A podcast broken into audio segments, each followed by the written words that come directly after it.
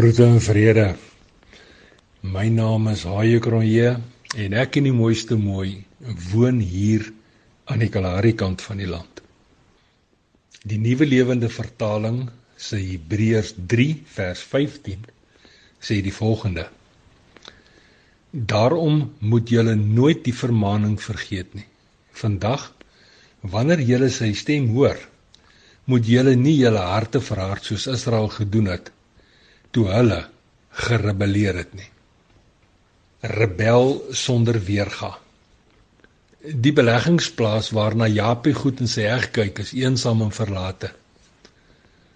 Al die voertuie wat vroeër hier geloop het, se spore is hoeka se tyd deur vele woestynwinde doodgevee. Dis hoogsomer en dit is diep droog. Die vorige reën het voor laaste jaar se winterlaas hier geval en nou met die middagson wat hoog sit en spreek woordelik dooieris op alles wat leef en bevat stroom sweet soos riviere in vloed oor ons lywe. Niks en niemand word oorgeslaan nie want hierdie somerson is genadeloos wreed. Japie goed en sy eg is beide boerlinge van die Kalahari. Hulle is hier gebore en hier sal hulle seker ook hulle laaste spore los voordat hulle die ewigheid ingaan. Ek en die mooiste mooi het hom 'n klompie jare gelede leer ken as 'n moeilike mens wat wel bekend in die omgewing is as 'n harde man. Hy volg al te graag sy eie kop wat nie maklik sy eie foute erken nie.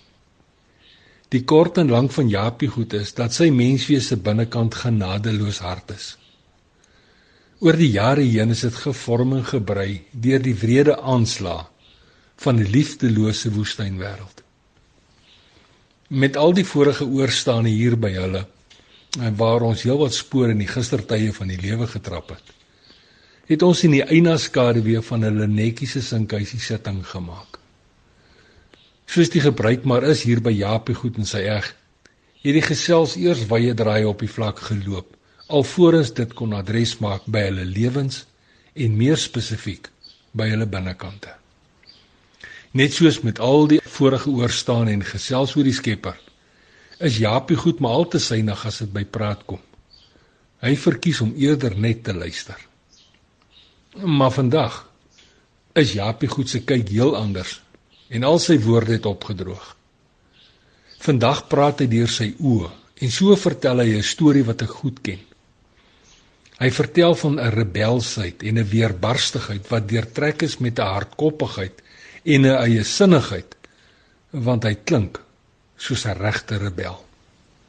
'n Rebel sonder weerga, 'n rebel soos 'n Esau van ouds wat mos dinge op sy manier wou doen. Jakob se broer wou sonder enige voorskrifte of enige beperkings of enige reëls opgetree en so geleef het.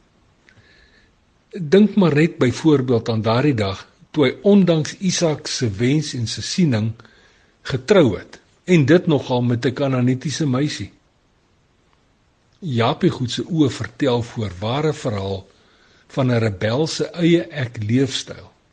En daar is niks wat ek daaroor kan doen nie. Later die middag, kort voor die groet, ek eers vir Japie goed in sy eg gebid. Terwyl ek sy eelterige hand so bietjie langer as gewoonlik vashou en hom diep in sy rebelse oë kyk, begin ek wonder. Ek wonder wat die werklike rede vir die rebellie in sy hart en die weerbarstigheid in sy dink is. En ek wonder of sy binnevoering dalk met ons volgende besoek so 'n bietjie sagter sal wees. En so met die wegstap tref dit my. Miskien moet ek en moontlik ook jy eers so 'n bietjie aandag aan ons eie rebelsheid en ons eie weerbarstigheid skenk veral daardie rebelsheid en weersbarstigheid wat na al die jare steeds so deel van my en jou menswees is. Hardkoppigheid en eie sinnigheid wat soos 'n ankerpaal staan in daardie areas van ons lewens waar die Skepper verandering vereis. Maar ons steek mos onbeweeglik vas. So sal Peter donkies. So steek ek en jy viervoetig vas. Dalk is ons rebels omdat ons weier om onvoorwaardelik te vergewe en nie ons naaste lief te hê teen alle tye nie. Soms is ons eie sinnig in ons weiering om kerk te loop of om ander te dien. Al beskou ons onsself as 'n integrale deel van Christus se liggaam, is ons selfs verstandig om as disipelmakers te funksioneer. Heel moontlik is ek en jy rebels in ons optredes.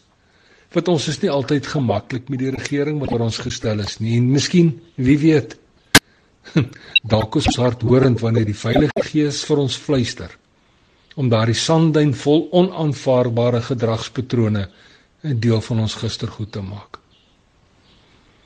'n Rukkie later, en Japie goed raak al kleiner in die genade waar sy terugkyk spoeltjie. En net voordat hy finaal buite sig raak, smeek ek die kerelkind van God om my te help. Ek het sy hulp en leiding nodig. Wat rebels, uitsinnig en weerbarstigheid is onaanvaarbaar in die Skepper se oog. En nou jou toe, tot 'n volgende keer.